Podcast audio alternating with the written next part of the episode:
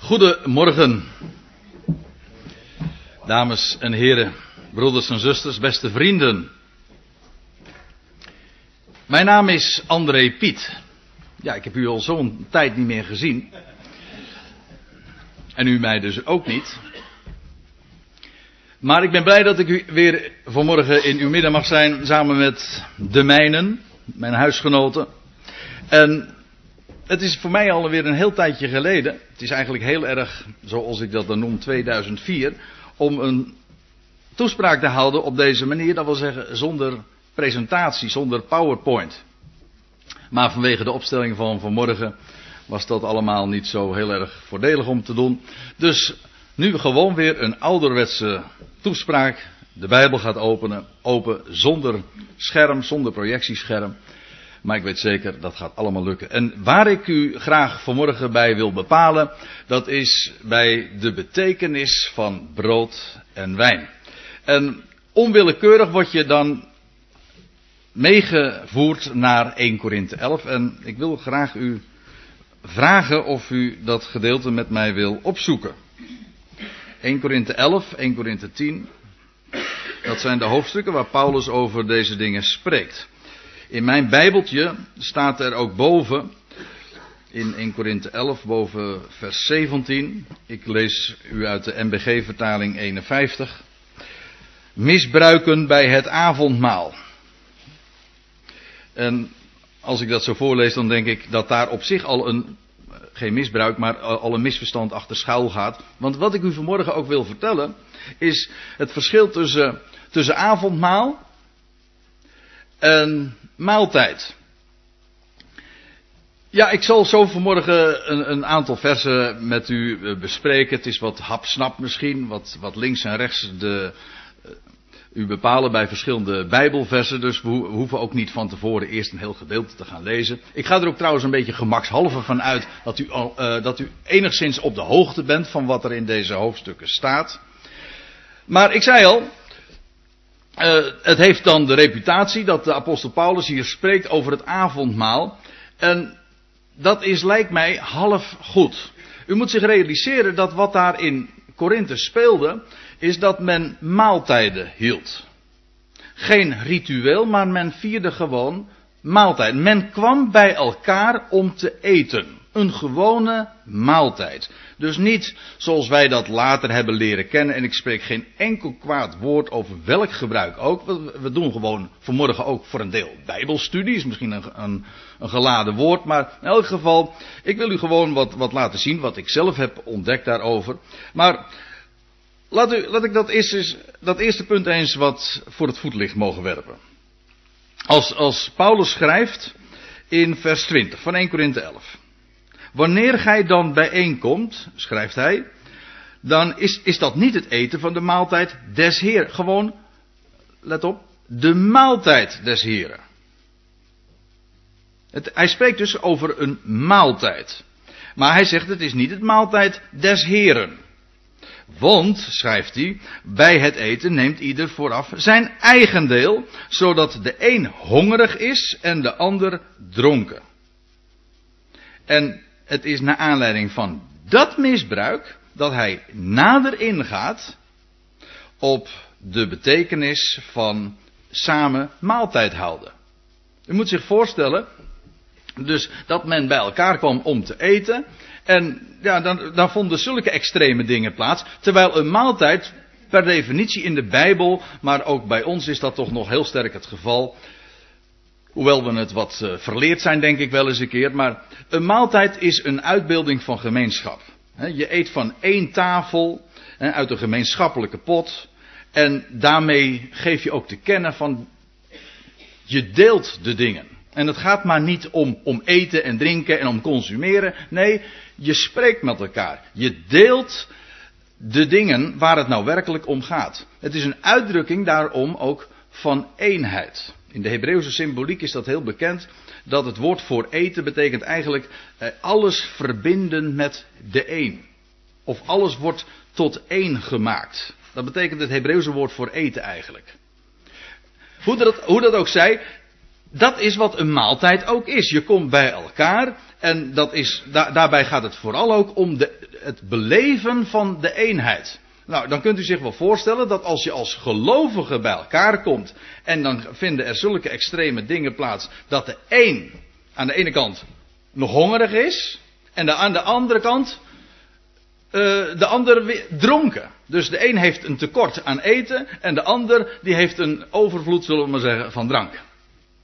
Nou, dat zijn twee extremiteiten die, die passen domweg niet bij een maaltijd in het algemeen. En zeker niet wanneer we als gelovigen bij elkaar zijn en we denken aan de dingen die ons samenbinden.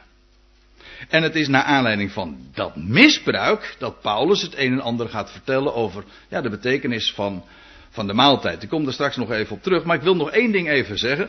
Wat we lezen in vers 33, dat onderstreept dat eerste punt wat ik vooral om te beginnen wil, wil benadrukken, namelijk dat het om een werkelijke maaltijd gaat. Dat staat in vers, 23, vers 33. Daarom, mijn broeders, als gij samenkomt om te eten, wacht op elkaar. Dat is eigenlijk de conclusie van, dat hele, van de hele uiteenzetting. Daar eindigt het mee. Dus als jullie dan samenkomen om te eten, wacht op elkaar. En dat soort misbruiken als van dat de een hongerig is en de andere aan de andere kant juist nog uh, of dronken is. Dat zijn dingen die natuurlijk zo vloeken met de betekenis van de maaltijd. Zeker van een maaltijd waarbij we denken aan Hem. De maaltijd waarbij de Heere in het middelpunt staat. Dus wat hij voor een, de, die misbruiken bij de maaltijd in de plaats stelt, is niet een, een, een rite, want dat is het avondmaal al heel uh, sterk geworden, al heel gauw in de kerkgeschiedenis. Het, het, karakter van een maaltijd is verdwenen en het is een, een ritueel geworden. En dat is wat Paulus hier helemaal niet zegt. Hij zegt gewoon, als jullie samenkomen om te eten, oké, maar wacht op elkaar. Weet u wat de echte maaltijden des Heren zijn als u het mij vraagt? Dat is wat we volgende week gaan doen. Zo'n stampotavond. Dan kom, je bij, dan kom je bij elkaar om te eten.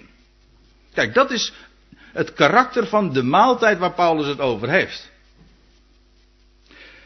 Nou, dat is het eerste. Maar nou eh, kan het zijn dat u zegt van ja, maar wat bedoelde je zojuist dan met, met, die, met dat avondmaal? Want ja, dat staat er sowieso in ons Bijbeltje ook boven. Hè, eh, misbruiken bij het avondmaal. Het is eigenlijk heel gek. Waarom, waarom noemen wij het avondmaal? Ook in, ik bedoel in het kerkelijk gebruik. Het heet altijd het avondmaal. Maar terwijl het zelden s'avonds gevierd wordt. Terwijl het ook al geen maaltijd is, echt. Maar we noemen het, we noemen het een avondmaal. Terwijl het nog een maaltijd is. En nog uh, wordt het in de avond gehouden. Dat is vreemd. Maar hoe komt dat dan? Want uh, dat is niet, natuurlijk niet helemaal uit de lucht gegrepen. Het komt omdat het verwijst naar het laatste avondmaal. Moet ik natuurlijk ook een beetje tussen aanhalingstekens zetten, maar uh, de betekenis daarvan is duidelijk. Het is de maaltijd die de Heer Jezus vierde in de nacht voordat hij werd overgeleverd. En Paulus verwijst naar die maaltijd. Dat is waar. En dat was een avondmaaltijd, maar dan moet ik er wel iets bij zeggen. Dat was een hele specifieke maaltijd. Een avondmaaltijd. Een heel uitdrukkelijk, want dat was namelijk de seder. De, de Joodse uh, maaltijd van het Pesach dat jaarlijks gevierd werd op één specifieke datum in de avond de 14e Nisan, in de avond, werd die maaltijd gevierd. En dat was de maaltijd die de Heer Jezus vierde. En Paulus verwijst naar die gelegenheid. Heel uitdrukkelijk. Ik wil het er wel laten zien.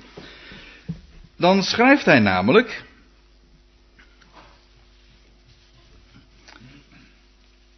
In vers 23.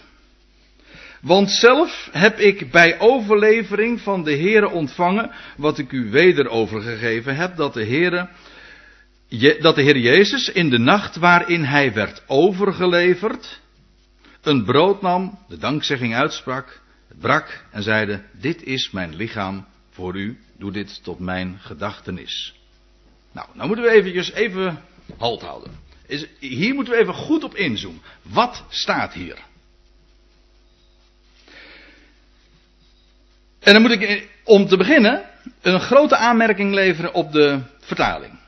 Want er staat hier in onze vertaling, want zelf heb ik bij overlevering van de Heer ontvangen.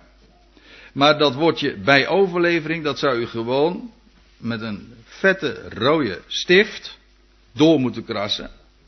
U zegt, ik kras niet in mijn Bijbel. Oké, dan krast u niet in uw Bijbel. Maar ik wil ermee zeggen, dat staat niet in, de, in, in het origineel. Men heeft dat er, ik zou haast zeggen, uh, om eventjes een knip, met een knipoogje. Dat heeft men bij overlevering erin ge, uh, ertussen gevoegd. En, en zo, gaat het. En, en ik, als ik me niet vergis, is, staat het in de Statenvertaling ook zo? Of niet? Heeft er iemand hier Statenvertaling?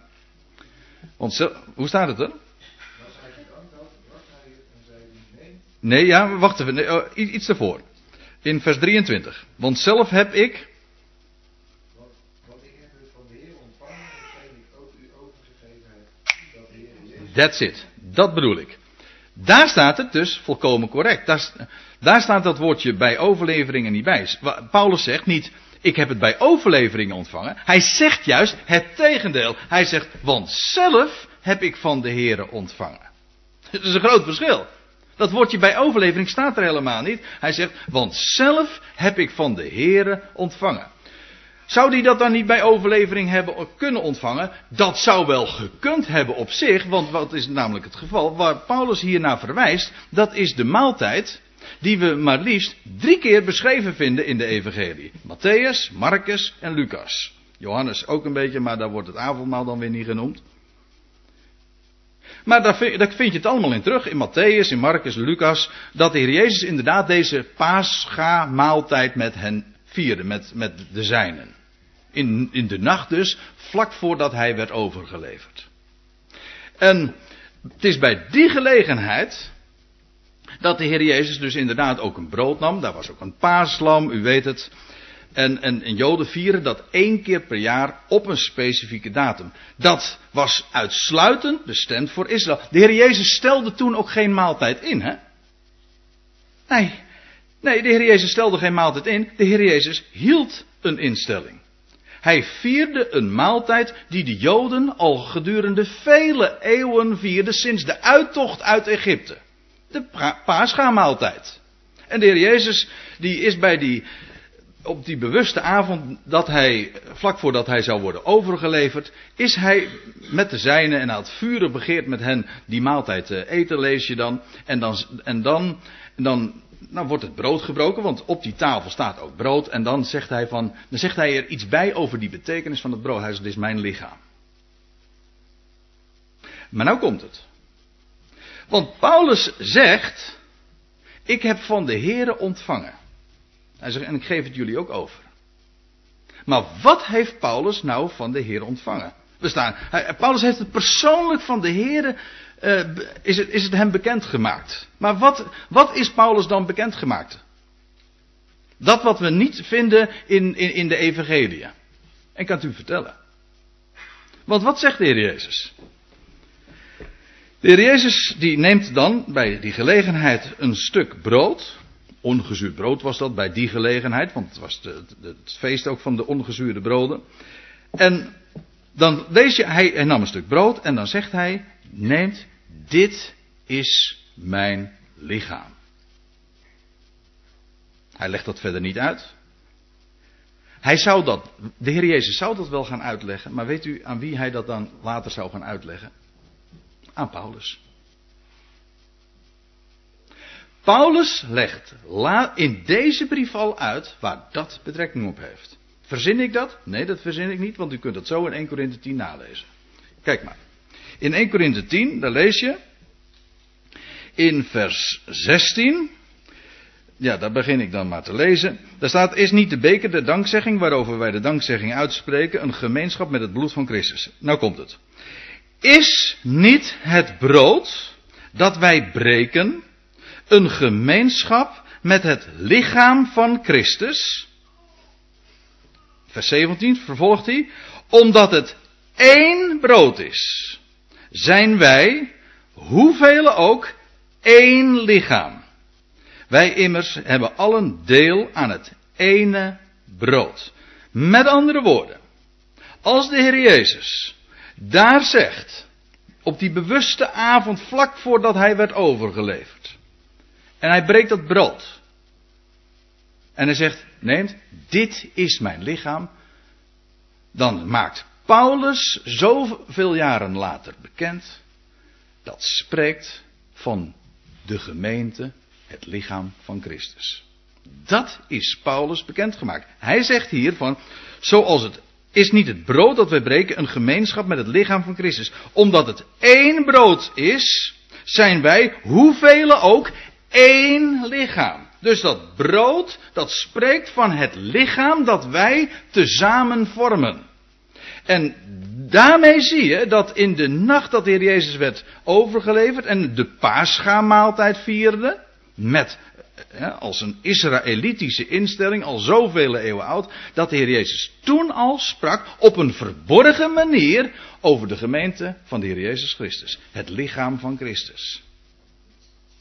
Natuurlijk, dat maakte de Heer Jezus toen nog niet bekend. Dat zou later de apostel Paulus bekend mogen maken. Namelijk dat het brood spreekt van het lichaam van Christus. En dat is wat Paulus is bekendgemaakt. Dat lichaam is één. En daarom zie je ook trouwens dat we.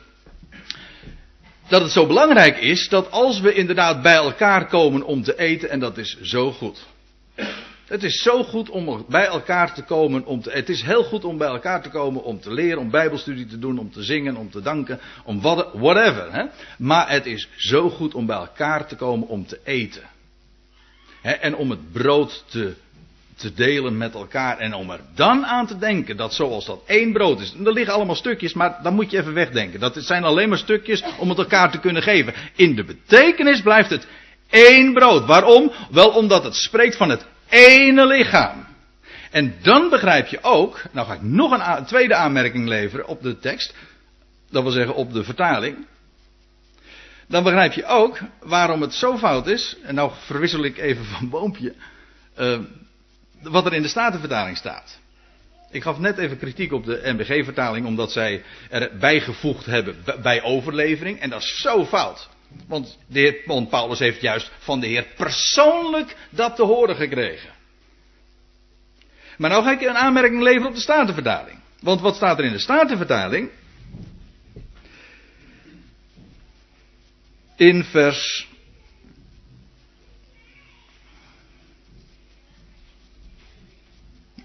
Sorry hoor. Ja, vers 24. Ik moest even zoeken.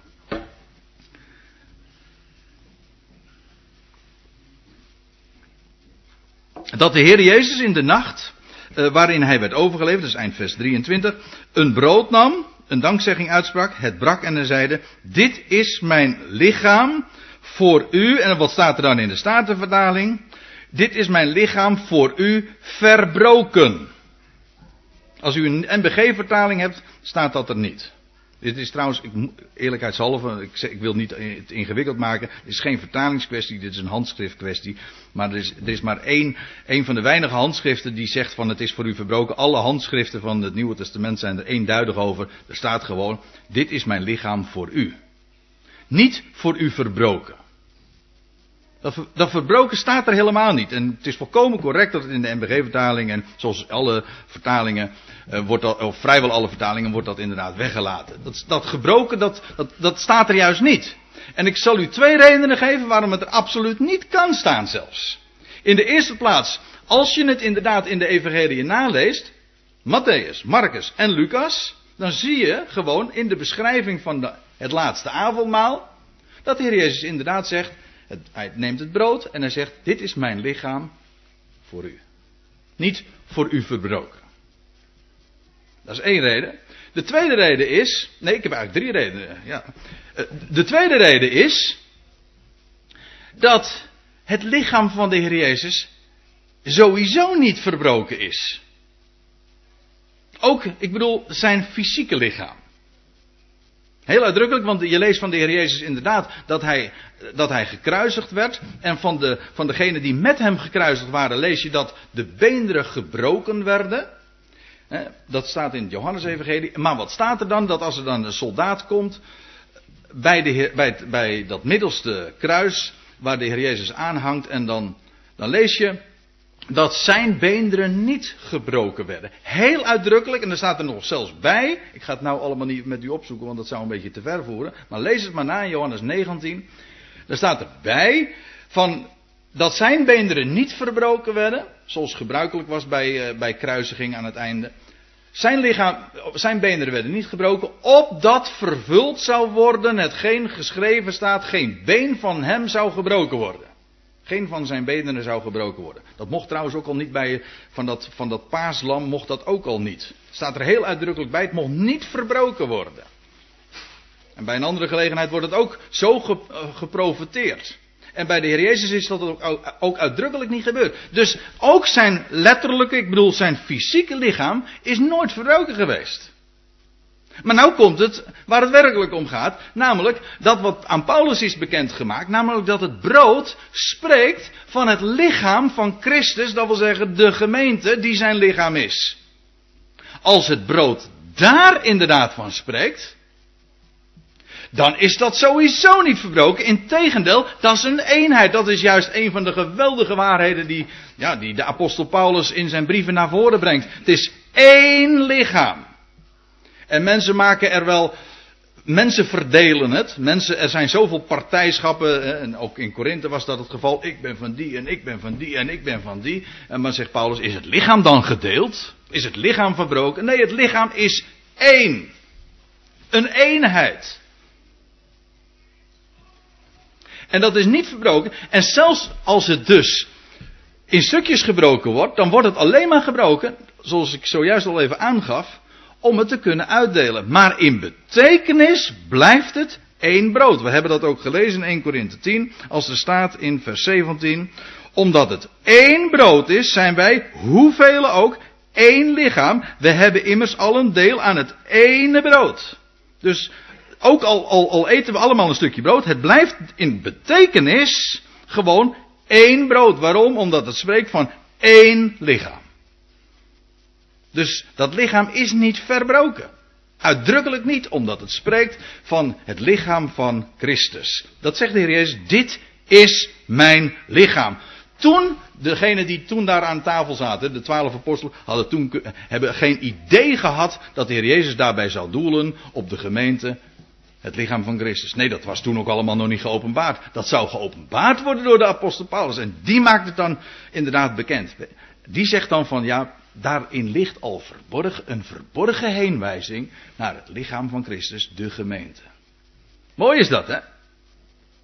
Kijk, en dan begrijp je ook waarom Paulus na aanleiding van die misbruiken in Korinthe, men kwam samen om te eten en, en, vanwege, en die wantoestanden en de een dronken, de andere nog hongerig en, dat soort dingen. Dan verwijst Paulus naar de maaltijd, dat, uh, naar het laatste avondmaal. Dat was met recht dus een avondmaal. Hij zegt, weet je niet dat als je met elkaar eet hè, en, je, en je eet brood, dat je daarmee feitelijk uitdrukking geeft aan de eenheid die we als gemeente vormen. En daar, en om dat te motiveren, zegt hij van nou, ik heb dat al van de, ik heb dat van de Heer Jezus zelf vernomen. In de nacht voordat hij stierf, heeft hij dat gezegd. Dit is mijn lichaam. Hij zegt, en dat spreekt van jullie. Van de, of nou eigenlijk jullie, van ons. Hè? De, de gemeente, het lichaam van Christus. Ja, en Paulus verwijst dus naar, naar dat avondmaal. En dat maakt het trouwens ook allemaal nog des te kostbaarder, moet ik erbij zeggen. Want dat betekent dus dat we, als wij dus bij elkaar komen, in, bij een willekeurige gelegenheid, en dan moet u helemaal niet ritueel uh, denken van wat wel mag en wat niet mag, hoe het precies moet. En er is zoveel over gestreden in, uh, in de kerkgeschiedenis over het, het, het heilig avondmaal. En dat woordje heilig, daar wil ik helemaal niks van afdoen, want daar is niks mis mee. Maar weet u, men heeft het zo sacraal gemaakt, zo, iets, iets ja, een sacrament. Hè? Het, is een, het is een sacrament. Men heeft, er, men heeft er een sacrament van gemaakt. En ja, waarbij eh, er ook zo in zoveel kerkgemeenschappen is er een schroom om aan het avondmaal te gaan. En het hele karakter van wat het echt is, namelijk een viering. Je komt bij elkaar om te eten en je eet brood. En daarbij denken wij aan het feit dat we één lichaam zijn. En met die gedachte denken we automatisch terug aan de nacht dat de Heer Jezus stierf. Zijn leven gaf. Toen al sprak hij op een verborgen manier, dat is waar, maar over de gemeente, het lichaam van Christus. Zodat je, als je bij elkaar komt om te eten en het brood wordt gedeeld, en je denkt over de betekenis daarvan, dan denk je aan de Heer Jezus Christus die zijn leven gaf aan het kruis van Golgotha. Diezelfde datum, hè, diezelfde 14e Nisan, diezelfde 14e Aviv, zoals het ook wel heet, gaf hij zijn leven. Waarom gaf hij zijn leven? Waarom gaf hij zijn leven? Waarom moest hij sterven? Waarom moest hij de dood ingaan? Wel om de dood te kunnen overwinnen. Daarom zou hij sterven. En wij verkondigen ook, als we bij elkaar komen om te eten, wij verkondigen de dood des Heren. Daarmee. We verkondigen, en wat is er zo bijzonder aan de dood des Heren? Het bijzondere, als u het mij vraagt, het bijzondere van de dood des Heren is dat het een dood is die is overwonnen. Dat is het bijzondere van de dood des Heren. Bij de dood des Heren, niet, je denkt niet eens uh, aan het sterven van de Heer, de dood des Heer. Je, je wordt bepaald bij het graf, bij, de graftuin. Maar als ik denk aan de graftuin, waar denk ik dan aan? Dan denk ik vooral aan die weggewentelde steen. Aan de dood die is overwonnen. We denken niet aan een stervende Heer. We denken wel aan de dood, de dood van de Heer, maar dan, zoals de Heer Jezus zich ook aan Johannes bekend maakt op Patmos, hè, dan zegt hij van, zie, ik ben dood geweest en ik leef tot in de Ionen. Ik, dat is het bijzondere van de, de, zijn dood. Dat hij dood geweest is. En daarmee geef je dus te kennen dat die dood achter hem ligt. En dat hij onvergankelijk leven aan het licht gebracht heeft. Kijk, daar spreekt het brood van. En daar spreekt dus ook de wijn van. U zegt, ja, maar dat spreekt toch van het bloed van Christus? Ja, maar waar herinnert het bloed aan? Het bloed spreekt van, ja, van het offer. Maar waar, waarbij denken we aan een offer? Heel gek, hè? We hebben het volgens mij wel vaker gememoreerd hè, op deze plaats, andere sprekers wellicht ook. Maar vaak wordt bij het offer van de Heer Jezus toch altijd maar weer uh, gedacht uh, aan, aan zijn sterven. Maar feitelijk is dat niet het offer. Het offer, dat is de slachting die voorafgaat aan het offer. Eerst, kijk, bij een offer, zoals je dat in het Oude Testament zo vaak vindt, dan wordt eerst een dier geslacht. En dat slachten van het dier spreekt inderdaad dat is allemaal een, een eenmachtige vooruitwijzing naar hem die, naar het lam dat inderdaad geslacht zou worden. Het lam gods. Dat geslacht zou worden. Dat is waar. Maar dat was nog niet het offer. Als een dier alleen maar geslacht was, was het nog niet het offer. Nee, het gaat erom, het dier werd geslacht om vervolgens op het altaar terecht te komen, verhoogd te worden en daar op te stijgen, goden tot een liefelijke reuk. Na de slachting dus. Zodat je een prachtig plaatje krijgt van de Heer Jezus Christus die eerst geslacht werd als het lam gods en vervolgens en met het oog daarop ook verhoogd werd, opstond uit de dood, verrees en opvoer naar de hemel. Zodat je het hele plaatje eigenlijk ineens compleet is. En daar spreekt het offer van. Offer betekent eigenlijk gewoon dat het opstijgt. Wel, hij is opgestegen uit het graf. Hij steeg uit hij, hoe zingen we dat? Hij steeg uit graf door vaders kracht, want die is God bekleed met macht. Toch? Kijk, en daar, daar spreekt het bloed ook van. Kijk, het bloed spreekt inderdaad van het offer van hem die stierf, maar wat meer is, die opstond uit de doden. Kijk, en dan begrijp je ook waarom er wijn in zit. Een embleem van vreugde. En dan zeg je ook, sorry, dat bedoel ik met alle, nee, ik excuseer me daar helemaal niet voor. Dan zeg je met recht, legaim op het leven. Want daar spreekt wijn van. Het is een embleem van vreugde. En dan zie je ook van dat, dat brood is zo rijk aan betekenis. Het spreekt van de eenheid die we samen mogen vormen. Het de wijn spreekt van het leven dat hij aan het licht gebracht heeft. Van zijn dood, wat meer is van zijn overwonnen dood. En ik ben ervan overtuigd dat als je zo bij elkaar komt om te eten en te drinken, ik bedoel ook echt te vieren, dat daar een deftig gezegd, een medicinale werking van uitgaat. Een helende werking. En waarom zeg ik dat nou zo? Nou, omdat ik u vervolgens nog op, derde punt wil, op een derde punt wil wijzen vanmorgen. En dat is wat Paulus zegt in vers 29. Vanaf vers 29, 30, 31. Daar schrijft Paulus. En ik ben bang dat het heel dikwijls misverstaan is. Daar zit ook dat, dat, dat hele. Ja, de uitleg daarover in, van, van dit gedeelte. Dat is, daar ligt een hele waas over. Daar zit zoveel theologie achter. En we kunnen dit haast al niet meer helder en scherp lezen, gewoon zoals het er staat. Want je neemt eigenlijk met het lezen al een, dat hele begrippen arsenaal mee. Uh, wat, waar, ja, waar we groot mee geworden zijn. We zijn wat dat betreft allemaal enorm, mezelf in kluis, belast.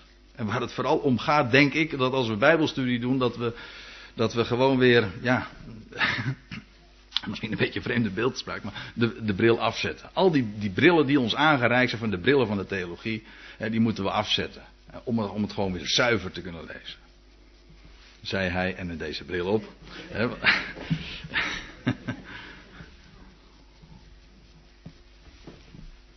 Goed. Vers 29. Want wie eet en drinkt en uh, eet en drinkt tot zijn eigen oordeel. Ja, ja, jongens, als ik alleen dit al lees, want dit wordt voorgehouden in zoveel Calvinistische kerken. En dan wordt er gezegd tegen mensen: je mag niet zomaar aangaan aan het avondmaal, hè, aan dat sacrament. En denk erom, want als je niet goed jezelf onderzoekt, dan kom je, dan eet en drink je je eigen uh, een oordeel. En mensen worden gewoon daarin eh, hebben zo'n enorme vrees om het avondmaal te vieren en aan dat eh, sacrament deel te hebben. Want ja, als je zomaar aangaat zonder dat je daar deel aan hebt, ja, dan zou je je zomaar een oordeel kunnen drinken. En dan denkt men meteen aan hel en verdoemenis. En ja, dan, ook dan, dat bedoelde ik zojuist ook te zeggen, dan komen er begrippen mee die zo volkomen vreemd zijn aan wat Paulus hier gewoon in dit gedeelte naar voren brengt. Dat is niet te geloven. Maar kijk, ik, laat, laat ik nu gewoon, laten we dat even liggen.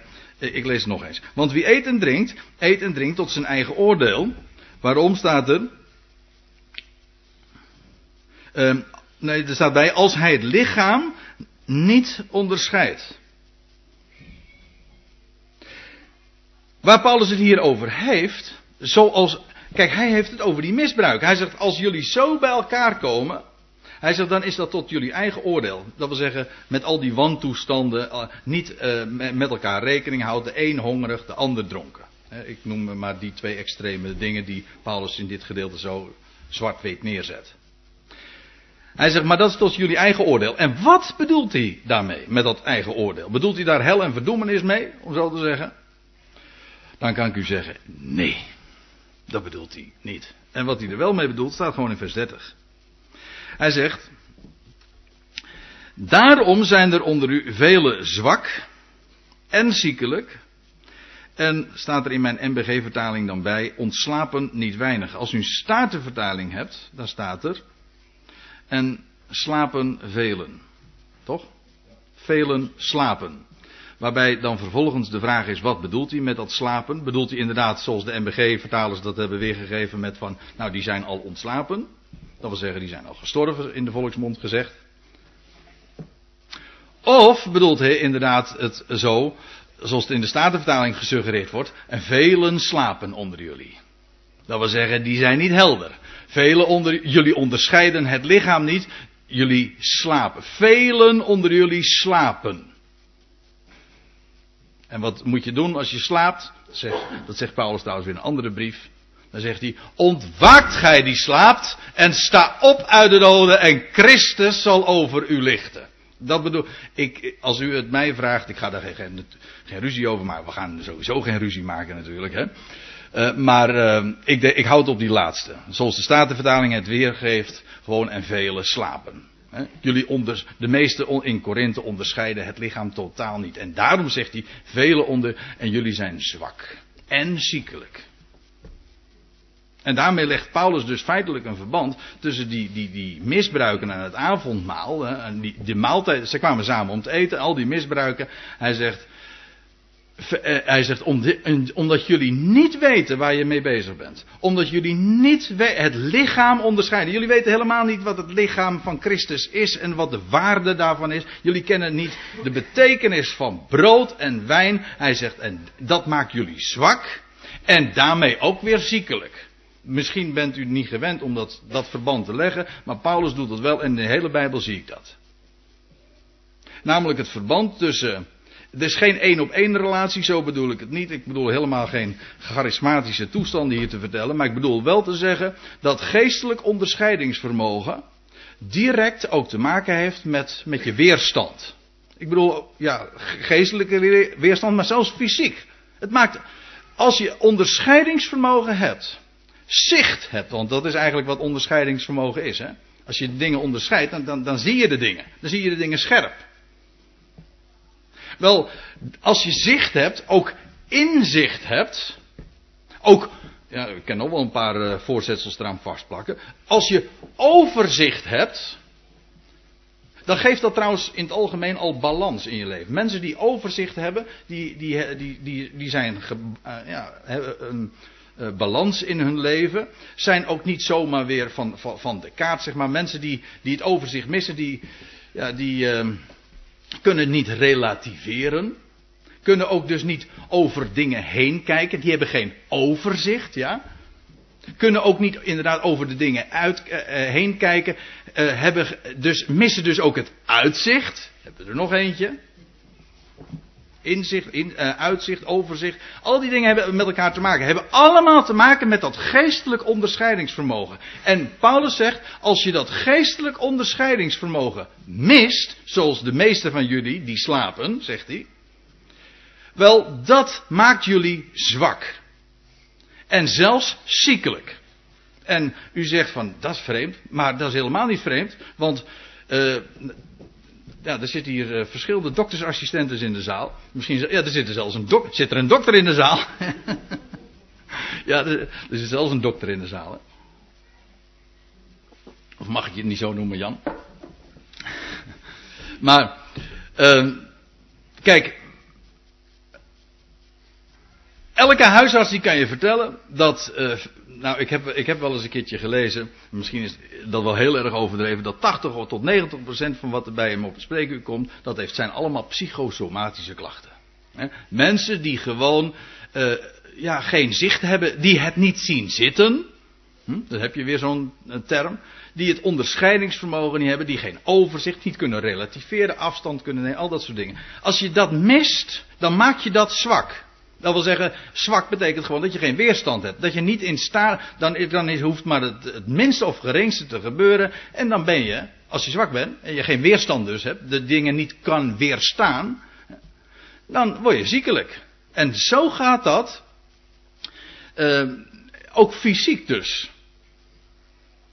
En dat, daarom is het zo belangrijk, en kijk, je kunt negatief zeggen. Paulus uh, formuleert het hier negatief, omdat de situatie hier negatief is.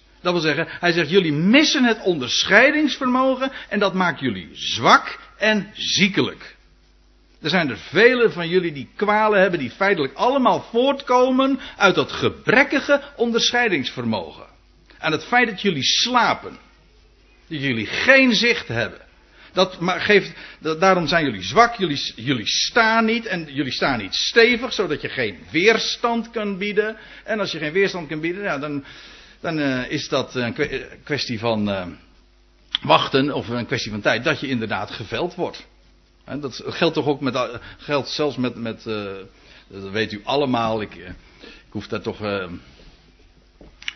dat hoef ik toch helemaal niet uit te leggen, dat zelfs, zelfs bij een griepje heeft vaak dan kun je zeggen van ja, er heerst een griep, er heerst een virus, maar vaak is het toch wel degelijk ook een kwestie van weerstand. Waarom wordt nou de een wel geveld en de ander niet? Nou, dat is een kwestie van weerstand. Maar zonder daar nou al te veel uh, op in te gaan en details te noemen, één ding wil ik wel benadrukken en dat is Paulus dus zegt van jullie gebrek aan geestelijk onderscheidingsvermogen maakt jullie zwak en daardoor zo vatbaar voor ziekte en maakt jullie ziekelijk. Maar nou ga ik het positief zeggen.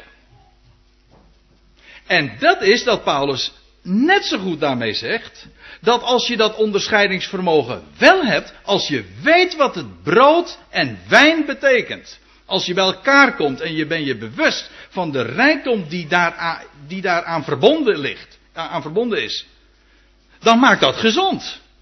Dan heeft dat een helende, vitaliserende of medicinale werking, hoe je het ook maar zeggen wil. Je kan het deftig zeggen, maar het betekent gewoon dat het gezond is. Het zijn, er is geen gezondmakende factor groter dan dit, dan dit punt.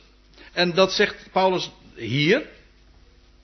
Maar feitelijk zegt hij dat ook of eh, elders in de schrift, ik heb een paar schriftplaatsen zo eens opgenoemd. Maar in Spreuken 7, Spreuken vind je dat verschillende keren hoor. Er staat in Spreuken 17, vers 22, u hoeft het nu niet op te zoeken, maar ik geef het u gewoon even mee. Er staat, een vrolijk hart bevordert de genezing.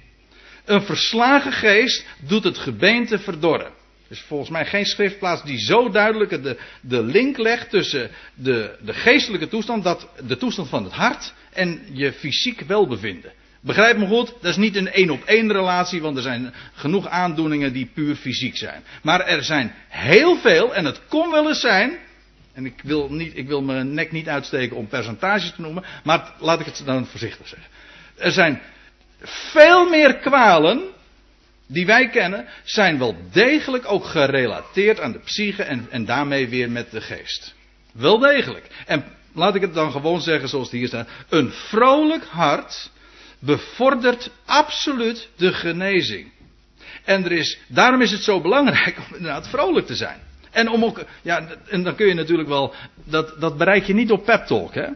Dat bereik je ook niet door tegen elkaar te vertellen, je moet meer lachen, want dat maakt namelijk niet vrolijk. Want u gaat, als, u gaat, als ik tegen u ga zeggen dat u vrolijk moet gaan doen, of dat u, um, dat u moet gaan lachen, terwijl u, uw hart niet vrolijk is, dan wordt u in werkelijkheid alleen nog maar bedroefder. Want dan moet je ook, dan voel je al zo beroerd en dan moet je ook nog eens lachen. En dat is moeilijk. En dan krijg je zo'n geforceerde lach. Dat werkt niet. Weet je wat werkelijk werkt? Dat is het, een, een vrolijk hart, dat, dat krijg je alleen maar wanneer je zicht hebt. Ja, wanneer je, en dan moet je ook wel weten waar je dat zicht vandaan hebt. Dat woord, dat woord is licht. En dat geeft ons onderscheidingsvermogen. Moet je de goede kant op kijken. Opzien. En, en als je opziet naar boven, dan kun je ook over dingen heen kijken. En kijk, dat maakt een mens werkelijk vrolijk. En daar spreken brood en wijn van. Nou, laat ik nog een schriftplaats noemen. Nehemia 8.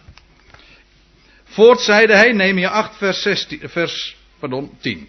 Voort zeide hij, dat is Nehemia tot het volk, gaat, eet het vette, drinkt het zoete. En dan staat erachter, zo bedroeft u niet, want de blijdschap des Heren, die is uw sterkte. Dus hier zie je gekoppeld, wordt gesproken over eet, drink, bedroef je niet. Integendeel, weet juist waar eten en drinken een beeld van is. Want staat er, de blijdschap van de Heer, dat is je kracht, dat maakt sterk. Gezond is een gezondmakende werking, gaat daarvan uit. Vergis je niet. Daar denk je altijd te klein over. Over de, de kracht van het woord van God dat ons sterk maakt en daarmee ook inderdaad zo'n vitaliserende werking ook gewoon voor je body voor je lijf en je leden. Absoluut. Uh, en dan eindig ik dan maar met, ja, dan moet ik het uh, echt bijhouden, want ik zie dat het al, uh, dat ik alweer over mijn grenzen heen ga. Prediker 9, vers 7, dat is helemaal een mooie, vind ik. Er staat al in Prediker, hè. Welaan dan, staat er, Prediker 9, vers 7. Welaan dan, eet uw brood met vreugde. En drink uw wijn met een vrolijk hart. Amen. Ja, ik ze zomaar in de verleiding komen om daar nog meer over te zeggen. Ik stel voor dat we een lied gaan zingen. Met een vrolijk hart uiteraard.